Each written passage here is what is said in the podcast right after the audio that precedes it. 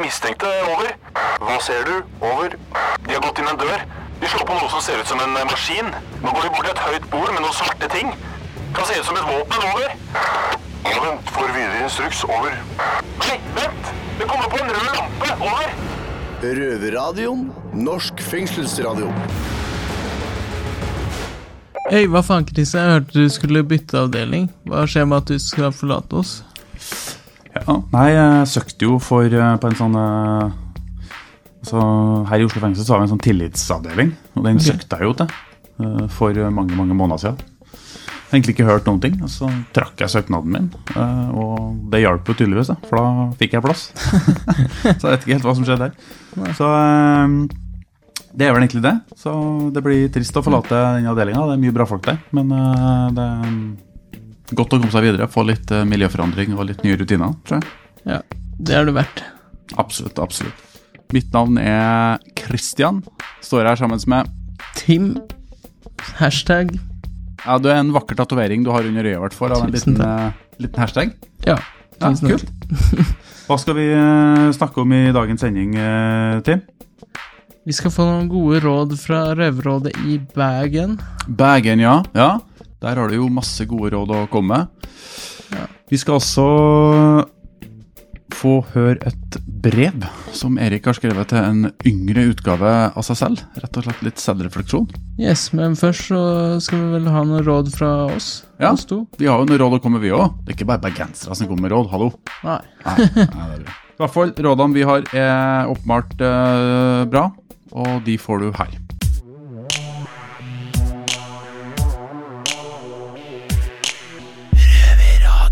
Yes, eh, Når man sitter i et fengsel, så lærer man jo mye rart. Det er en slags krimskole, så i dag tenkte vi å ta en liten prat om eh, hva vi har lært i forhold til dyr og ja, tyveri. Eh, vi nevnte innledningsvis at vi skulle snakke litt om uh, Kom med noen tips Ja. til våre lyttere. Og hva hadde vi egentlig tenkt å tipse om i dag? Om hvordan du passer på hunden din. Eller hvordan, hvorfor du må passe på hunden. Ja, Og hvorfor må man egentlig passe på hunden sin, Tim?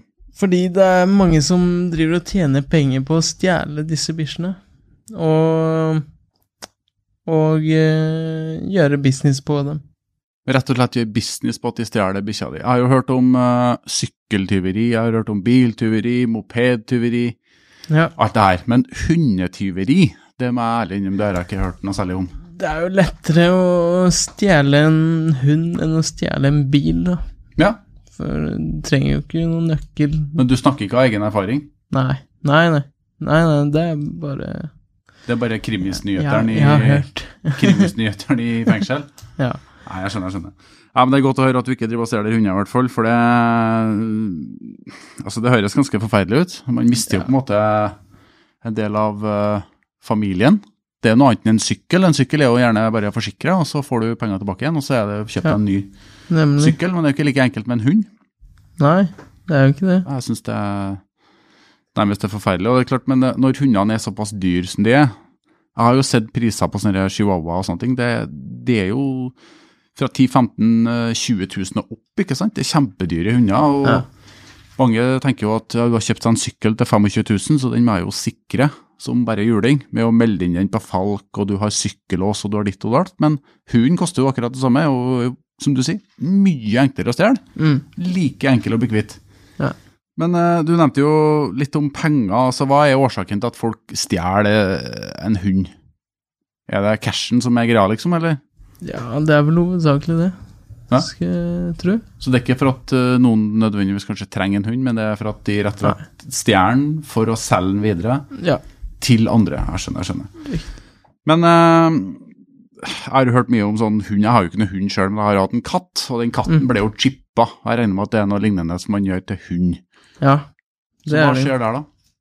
Nei, de som stjeler eh, hunden, avskipper jo hunden.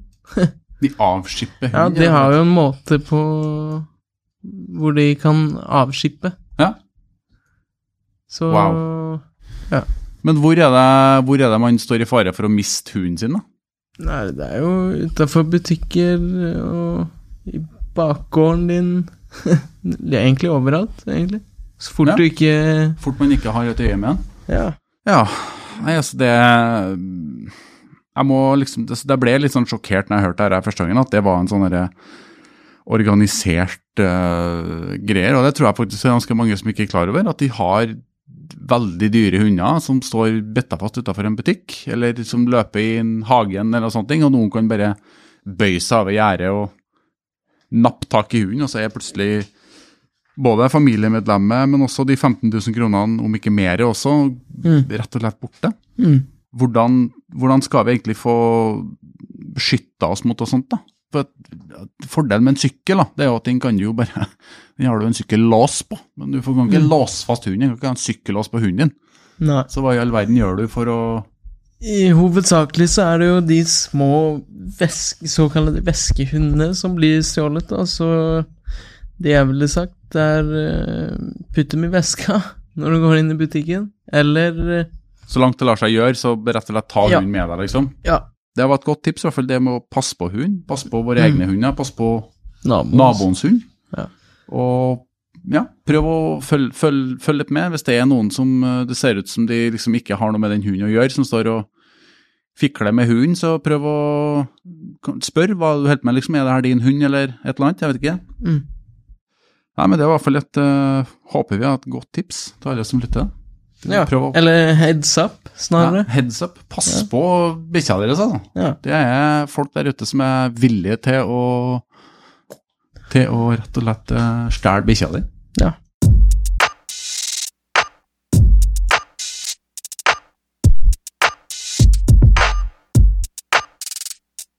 Da har vi fått noe fantastisk eh, gode råd, eh, Tim. Er du ikke enig i de rådene der på hvordan du skal passe på bikkja di? Jo, Ja. det syns jeg var innafor. De var det nivå på, altså. Ja. Ja, det er helt utrolig.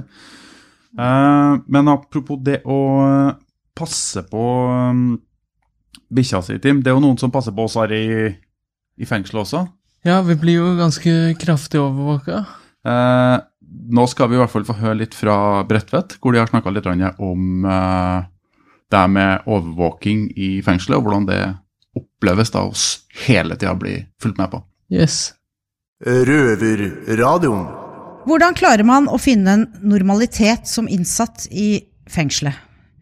Du blir hele tiden overvåket. Det er kameraer, brevene dine blir lest, og telefonen blir lyttet til. Har du noe privatliv som innsatt i fengselet? Jeg heter Cammy, og ved min side har jeg Pernille. Hallo? Hei, Pernille. Jeg har lyst til å spørre deg om eh, hvordan det føles å ha et kamera med deg hele tiden. Det er eh, både og. Du kan si Liker du det, eller misliker du det?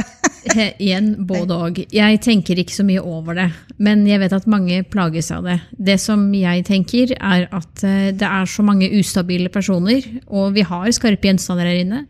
Så det er veldig greit at det blir overvåket. Så du føler det er en trygghet ved å ha kameraene Absolutt. til stede overalt? Absolutt. Det er så mange psykisk syke, blant annet. Så det vil du si er en fordel, da, at det er kameraer i fengslene? Du vil heller ha det enn å ikke ha de? Ja, i hvert Ja. fall på fellesområdene. Ja. Men uh, en annen ting er uh, når du skal ringe ut til omverdenen. Da er det litt av en prosedyre du skal gjennom. Kan du fortelle hvordan den uh, arter seg? Ja, da må man først sikkerhetsklareres for at man får lov til å ringe. Og så må er den- du, kan du ikke være på brev- og Da kan du ikke være på brev og besøk, nei. Og så må den du ringer til, registreres og klareres at den ikke har noe med saken din å gjøre. Og når vi endelig får den, så blir det da Samtalen blir tatt opp. Det sier de jo selvfølgelig på bånd, for å advare både oss og den andre om at vi ikke skal si noe ulovlig. Hva, hva syns du om at det er noen som sitter på andre siden og hører på hvert eneste ord du forteller? Meg plager det ikke, for jeg eh, snakker vel ikke om noe spennende. Men eh, jeg vet at det er veldig mange som sliter med det. Fordi de føler at det er et press. Men tenker du på det når du sitter i telefonen, Nei. eller er det glemt? Det er glemt. Det er glemt, ja. Det blir en vane. ja. Og så når du vil skrive et brev, da, og ønsker å sende det hjem til mamma eller noen andre, eh, da er det sånn at eh, alle brev fra innsatte i fengsel, de skal eh, leses gjennom Det stemmer. før de da går ut. Men kan du ta oss med i den runden det tar for å få det brevet ut? Ja, da skriver først, etter å ha mast seg til brevpapir, som vi stort sett får når vi spør, så skriver vi brevet, og så legger vi det i åpen konvolutt. Så blir det levert Hvorfor er det åpen konvolutt? fordi det skal kunne leses. Og hvem skal da lese brevet før det går ut? effektleder. Så og går det- effektleder er da de som Det blir eh, først levert på kontoret, som så tar det ned til effekten, og så leser effekten det. Og hvis det ikke er noe å sette pekefingeren på, så går det ut. Det eneste som ikke blir lest, er advokatbrev. De kan man lime igjen. Er, Da er det lov til å lime igjen. Da er det lov å lime igjen. Men eh, hvorfor sender du ikke mail? Det er litt tungvint å sende brev. Det er det. Men vi har ikke tilgang på mail eller internett. Det har fengselet sagt nei til av sikkerhetsmessige årsaker. Det er jo litt koselig å sende brev òg, da. Det er veldig koselig både å skrive og få. Det er nok mange år siden du skrev brev, vil jeg tro. Ja, jeg har nå skrevet brev noen år, jeg, da. Ja, du har det. Ja. Du følger den gamle tralten. Gjør det. Ja. Eh, ja, som dere nå har hørt, så er vi under en eh, kontinuerlig overvåkning. Eh, om du liker det eller ikke, det er egentlig bare å bli vant til det, for du slipper ikke unna. Men gjør vi ikke. jeg syns jo det er litt deilig at det er kameraer på meg hele tiden, da. Jeg bryr meg ikke om det. Nei. Nei, samme som deg. Så eh, vi takker for oss. Jeg sier takk til deg, Pernille, som ga oss disse opplysningene. Det er sikkert lærerikt for eh, mange av de som er ute og lurer på hvordan vi har det her inne. Får håpe det.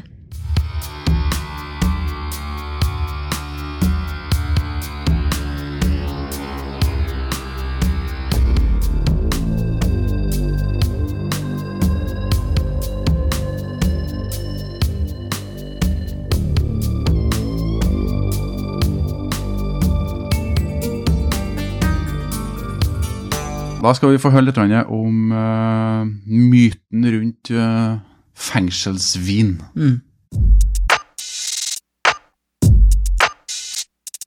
Av og til så får vi noen spørsmål utenfra om, uh, om fengselsmyter. Jeg står her med Georgie og Marlo. Gang, gang, gang! Så, så. Jeg heter Mata. Vi har fått inn et spørsmål her fra Gert på Gjøvik, som vi skal finne ut av. Ja, låt oss høre. Er dere klare for det her? Ja, ja, jeg er redo. Jeg forstår ikke hva du mener. Nei, Altså. jeg kommer frem til det. I amerikanske filmer så ser man ofte at de innsatte lager eh, fengselsvin. Fengselsvin, altså. Å ja. Gjør man det i Trodde norske du sa fengsler? fengselskvinn. Fengselssvin, ja. Eh, Vin, ja. Har du fått det tilbudt? Har du laget det? Eh, Jeg har ikke lagd det, men jeg har smakt på det. altså. Ja? Ja. Smakte det doskål? Det smakte jævla bitter, ass. Det var bittert? Ja. Det var sånn uh, Har du, har du smakt uh, Hva drinker jeg? Yes, gjær. Ja, jeg Det dru- er sånn uh, Beskt? ah, Jeg vet ikke hvordan jeg, jeg drikker i Sverige, inte her da. Men eh, det smaker mye gjest. Det, är inte- det er ikke det godeste man kan dricka. Men hva, hva var frågan? Om det fanns eller vad? Nei, om man gjør det i Norge, altså i norske fengsler, og man lager Ja, ja, det, selvfølgelig. Det fins Det tror jeg. Det fins vin og vodka. Vin og vodka. Og vodka, ja. Men den vodka sånn Det er mye kemikalier også. Du får vondt i Hva heter det? Halsen, magen. Så Det var vel uh, antibac, er det det den brukte? Og masse andre forskjellige kemikalier. Men det er farlig, så Det er farlig. Livsfarlig. ligg unna. Ja. Du drikker det ikke for smaken, gjør du det? Er det, er ikke derfor Nei, man- men ja, selvfølgelig man drikker det for å, For å bli full? for å, for å bli full, men uh, den har side effects som Ja. er fucked up. Hva er det? Altså, the hangover is deadly. It's Man blir bakfull som faen Ja. Mer enn vanlig? Ja, Jeg tror, at det, jeg tror at det er gjesten, eller gjerdet, som, Jeg vet ikke om det sitter kvar når man har drukket, eller hva det er, men man blir jævlig bakfull alltså. Er det fordi det ikke er filtrert, kanskje? Det kan det nå være. Det er det jeg har hørt. Det kan nå stemme. det, det makes sense. For du får jo ikke fjerna det du Disse restene som du bruker eh, frukt. Nei, precis. Nei, du får, du får ikke det vekk. Du drikker opp alt i Det, det bare forsvinner. Ja, ja, ja. Upp der. Men for å svare på frågan, ja, jeg tror at det fins. Eller ja, det fins. Nei, jeg veit det fins. Jeg Ja. har, eh, jeg har eh, Det har vært folk som har fått paragraf for det der. Ja. Ja. Så Ikke oss, da, selvfølgelig. Nei. Nei. Vi er uskyldige. Uskyldige. Men jeg skjønner ikke hvordan uh, klarer man å lage vin i fengsel, altså, eller, eller fengselsvodka, da, sånn som Marlow kaller det. Du får, får hitta en spatt og, och, och gjemme det på helt enkelt. Der det kan ligge och jäsa och, For, for norske og lyttere. For norske lyttere, hva er en spatt? Ja, Mm. Ja. hva er det? Ja. For jeg vet ikke hva en spat er for noe. En jeg vet ikke heller, vad är det? Någon, eh, location, Altså, någon, du får hitta Och sted någonstans, du får hitta någonstans att gömma det. Förstår du? Hitta en flaske flaska ja. där du kan blanda det och så. Ja, du får ja. gömma det Som en gjemsted. Ja, Ja. jeg tror Ja. spat var det sånn Spot, var det spot du sa, eller spot? Spot. Spot. spot, ja. Hva Ja. ja. Men hva- eh, ja, du må finne en spot, og så tar det sånn jævla lang tid for å lage, da. Det må stå sånn en uke eller mer. Ja, Hva er det du bruker? nästan två Bruker du. Jeg er ikke, jeg er ikke helt sikker, altså, men ja. Jeg har hørt det er uh, appelsinjuice, og gär. sukker og gjær. Ja, saft. Ja, men du får ikke kjøpe gjær her. Du, man kan gjøre sine egne varianter Ja. på det tror jeg. Noe sant. Så ja, Gerd, det skjer i norske fengsler at uh, enkelte lager eh, fengselsvin, og uh, blir fulle og får mye, mye vondt i hodet dagen etterpå av det. Hvis det er noen der ute som har noen spørsmål, så kontakt oss gjerne på Røverradioen på Facebook, og send inn spørsmål der, så skal vi svare etter beste evne. Så vil jeg gjerne takke ekspertkommentatorene Georgie og Marlow.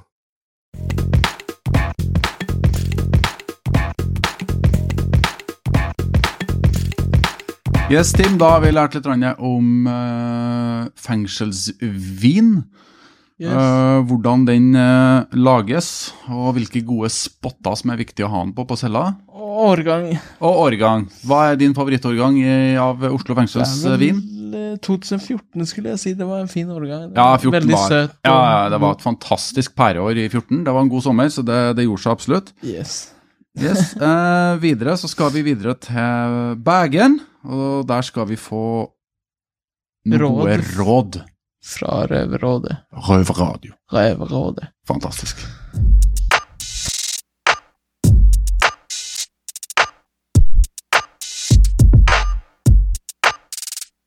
Ja, Erik, da skal vi over til Røverrådet, der Ja. vi tar opp aktuelle spørsmål og gir råd om, ja. om ting og tang. Store og små spørsmål her, altså. Ingen spørsmål er for små, og ingen er for store. Nei, nei.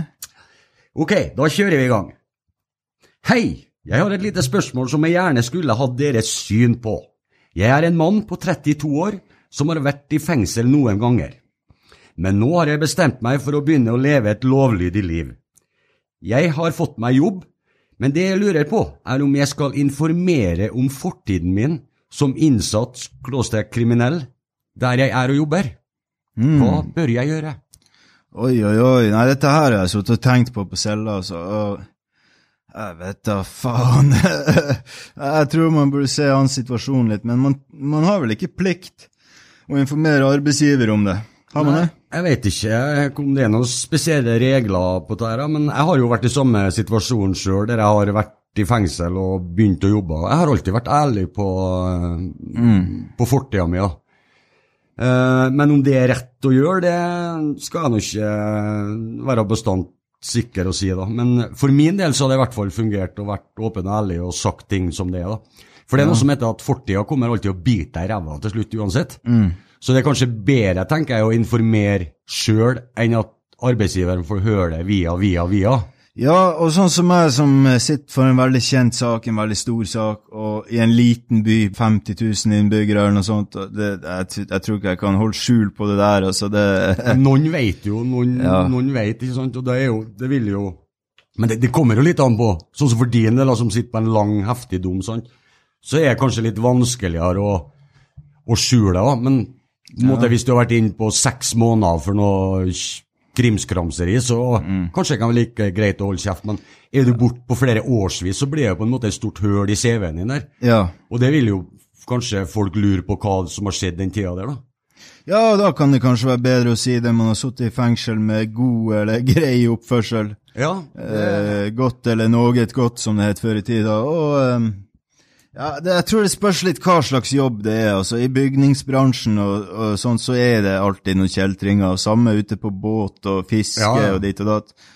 Men, klart, I, i noen jobber så krever jeg jo vandel. Altså det er jo jobber som er utelukka. For, uh, men jeg tror egentlig kanskje at må sp- Det spørs litt om hvor lang dom du har, og hva, hva du har gjort. Og du må nesten ta opp i vurdering. Men jeg tror hvis du har lang dom f.eks. For, for narkotika, så tror jeg kanskje det lønner seg å være åpen om det, hvis du har et stort hull i CV-en. Jeg tror kanskje det er litt mer tabu hvis det er vold eller sedelighet spesielt. Da, Ja. da, da, da tror jeg mange vil ta avstand. Men jeg tror det kan være best å si det, altså. Jeg tror det er sånn summa summarium, så tror jeg kanskje at uh, det er den letteste veien å gå. Ja. For det vil alltid Fortida vil alltid innhente deg på en måte. Ja, ja. Ok, som pårørende til en innsatt har jeg et spørsmål til dere gutter. Hva kan jeg gjøre for å gjøre hverdagen bedre for den jeg er pårørende for, eh, når han soner? Jeg føler meg av og til helt maktesløs. Oi, oi, oi. Det var dypt. er det mange som er i samme situasjon, altså. Det her er kjipe greier. Og det er jo det som er feil med fengselsstraffen, at vi blir jo vant til det, men jeg tror det er verre for familien ute, og spesielt familien min med mitt navn. Altså, to sjeldne etternavn, da, eller et mellomnavn og et etternavn som ikke er vanlig. Og eh, jeg, var på eh, PC-en her på skolenettet eh, her inne i norsktime for noen måneder siden og skulle google fetteren min sitt navn da, for å se hvordan det gikk med han. Første som kommer opp, er to VG-oppslag av meg, da. og forferdelige greier, egentlig. Det, det er ikke noe kult i det hele tatt. Jeg tror mange pårørende på begge sider da sliter med det. Og Det er klart det, for Det- det er jo som du sier, at vi blir jo, vi er jo, vi blir jo vant til for det for vi er jo vanedyr, alle mennesker. er Ja. klart Når vi har vært der en stund, så vet vi at det er sånn det fungerer, og vi får ikke gjort noe med det.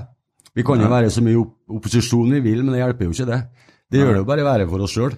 Men det er jo klart dem som sitter på utsida som pårørende, og um, spesielt hvis du har unger og er nært knytta til familien din, da, så er jo dem på en måte like mye straffa som oss, og Ja. kanskje mer straffa òg. Så det er jo Akkurat det spørsmålet er veldig vanskelig å, å, å svare på, men jeg tror det beste du kan gjøre som pårørende til noen som soner, er å vise litt eh, å vise litt medfølelse og ha litt forståelse for eh, Selv om det er vanskelig å forstå hvis du ikke har vært i fengsel sjøl, så er det vanskelig Ja. å forstå hva fengsel er. Men det er klart, noen dager er jo tyngre, og noen dager er jo bedre. og Jeg tror de må venne seg til at ting går opp og ned. da. At Ja. Alt er ikke like bra hver dag som eh, det er på utsida. Det er Ja. noen dager som er veldig tungt, og det tror jeg de pårørende må på en måte akseptere. Ja, og spesielt hvis det er noen foreldre der ute som har ungdom, eller eh, ja, unge voksne da, som barn, eller familie da, og, de sitter i fengsel og sliter med rus og ditt og datt, så eh, vet jeg fra erfaring da at med en gang man begynner å hakke veldig på det, og grave for langt, og liksom ja, Det er jo en ting å bli redd og bekymra for helse og sånt, men det er noe helt annet ting å gå og liksom diskriminere sitt Ja, ja. eget barn på en måte, og selv om de syns det er veldig galt at man ruser seg, så Nei, det, det gjør ofte bare ting verre, da. Ja, altså, de pårørende savner oss. Det er klart det, og vi savner dere, og dette her er leit. Det var ikke meninga det skulle bli sånn. Men sånn ble det. Ja, og man tar straffen som en mann, holder hodet høyt, og man kommer ut en gang og tar vare på familien så godt man kan, altså.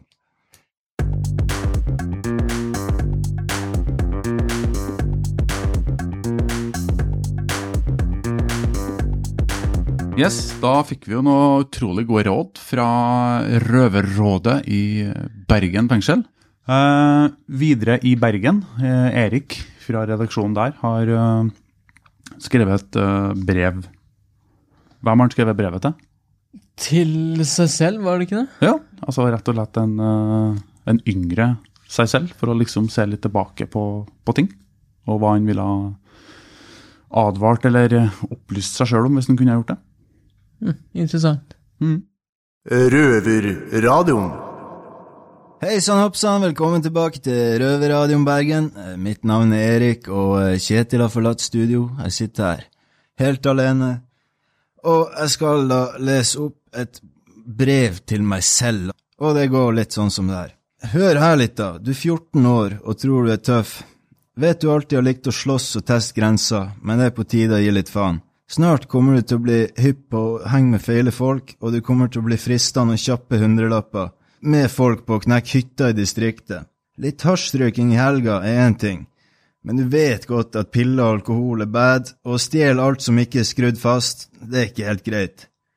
Fortsett sånn, så får du skambank en dag snart. Så går du rundt med paranoia og en jævla speiderkniv på leting etter faenskap. Begynn å henge i kommunalblokka med herda kjeltringer når du er fra et rolig, møblert hjem. Slutt å synes det er så kult, og bare ta et tørk vekk det der gliset. Du begynner å pushe hasj til folk rundt deg, og gir opp familien som er frustrert, men glad i deg. Du slåss mer, og du slåss hardere. Ikke nøktern på en uke, ikke edru på et år. Løp rundt i byen med 100 grams hasjplater og begynn å tjene penger. De blåser du på rus, du kjøper en bøtte med piller, alle farger og fasonger. Snorter noen, spiser mange og selger til folk du bryr deg om, fucka opp for de òg.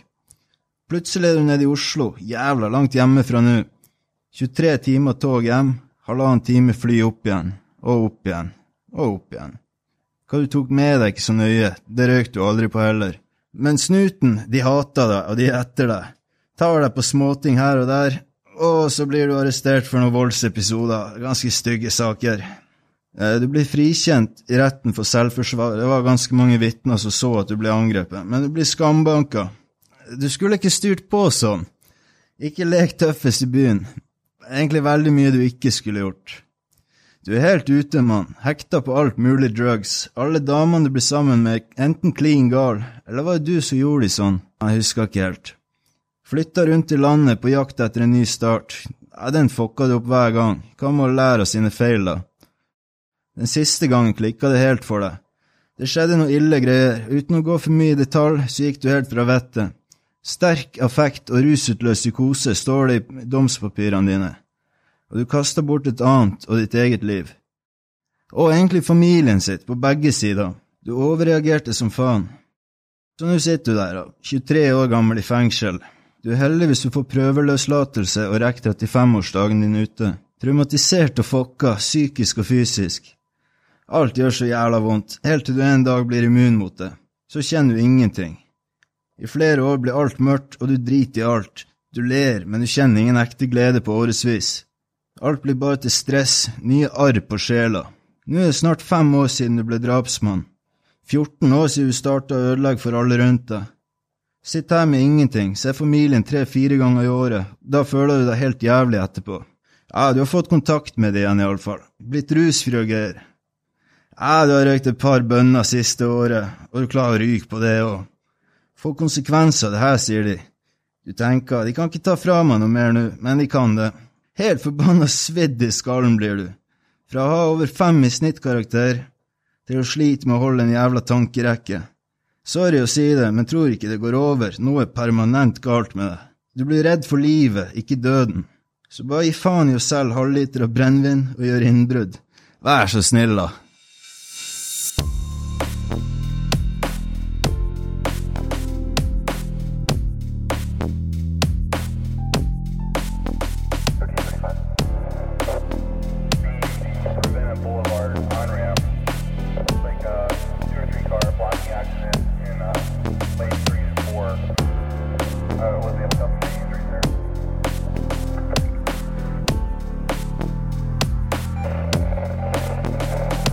Yes, det var dagens uh, samlesending. Her var det mye gode tips og råd og det ene og andre. Um, hva syns du egentlig gjorde mest inntrykk av eh, disse tingene her, Tim? For meg personlig så var det vel brevet, skulle jeg Mm. si. Det kan jeg kjenne meg litt igjen i, faktisk, en del av de tingene. Og, og ja, det gjorde mest inntrykk på meg, i hvert fall. Ja, jeg tror det er bred enighet om det. Det var et uh, sterkt brev. Det er spennende å høre disse refleksjonene fra en person som skriver et brev til en yngre utgave av seg selv. Ja, interessant, eh, faktisk. Absolutt. Absolutt. Så hva skjer på cella i dag, da? Nei, det Hva skal jeg si? Det, jeg har allerede starta pakke. Det er jo første gangen på veldig mange måneder at jeg ikke helt vet hva jeg skal gjøre i dag. Fordi jeg skal jo faktisk bytte avdeling. Ja, Det hadde jeg nesten glemt. Faen. Så hva skal du gjøre, Tim? Hva skal du gjøre på cella etterpå? Jeg har jo fellesskap, da. Så det Ja. blir jo jævlig kjedelig uten deg, da. Ja, det, Ingen å spille sjakk med og komme til å savne deg. Det er akkurat det. Takk for det. takk for det. Du har blitt god i sjakk, forresten. Ja, Det har skjedd en urovekkende greie der. Du gikk fra å være eh, medlem av eh, Norges Blindeforbund til å bli eksepsjonelt mye bedre i sjakk på veldig kort tid. Så vi må ta fra deg disse sjakkblokkene, tror jeg. Det må vi beslaglegge. ja. Nei, men du er jo nesten den eneste som, som jeg klarer, klarer å slå, så Ja, blir takk for det. takk for det. Da følte jeg meg veldig mye bedre i sjakk. Nydelig. Det skal bli deilig å dra fra denne avdelingen der. Fy faen. ja. Nei da, vi kommer til å savne deg, Kristian. Ja, det, det er godt å høre. Jeg kommer nok til å savne gutta på den avdelinga her også. Det er en veldig fin avdeling. Yes, når og hvor kan du høre oss? Når og hvor? Du, vi er tilgjengelig på NRK P2 klokka halv fire på lørdag. Og hvis du ikke har eh, mulighet til å lytte til oss eh, på radioen, når, hvor er det ellers du kan få tak i oss? Intranettet på Intranettet. podcasten. Podcast, ja. Yes, Røverradioen. Når du vil.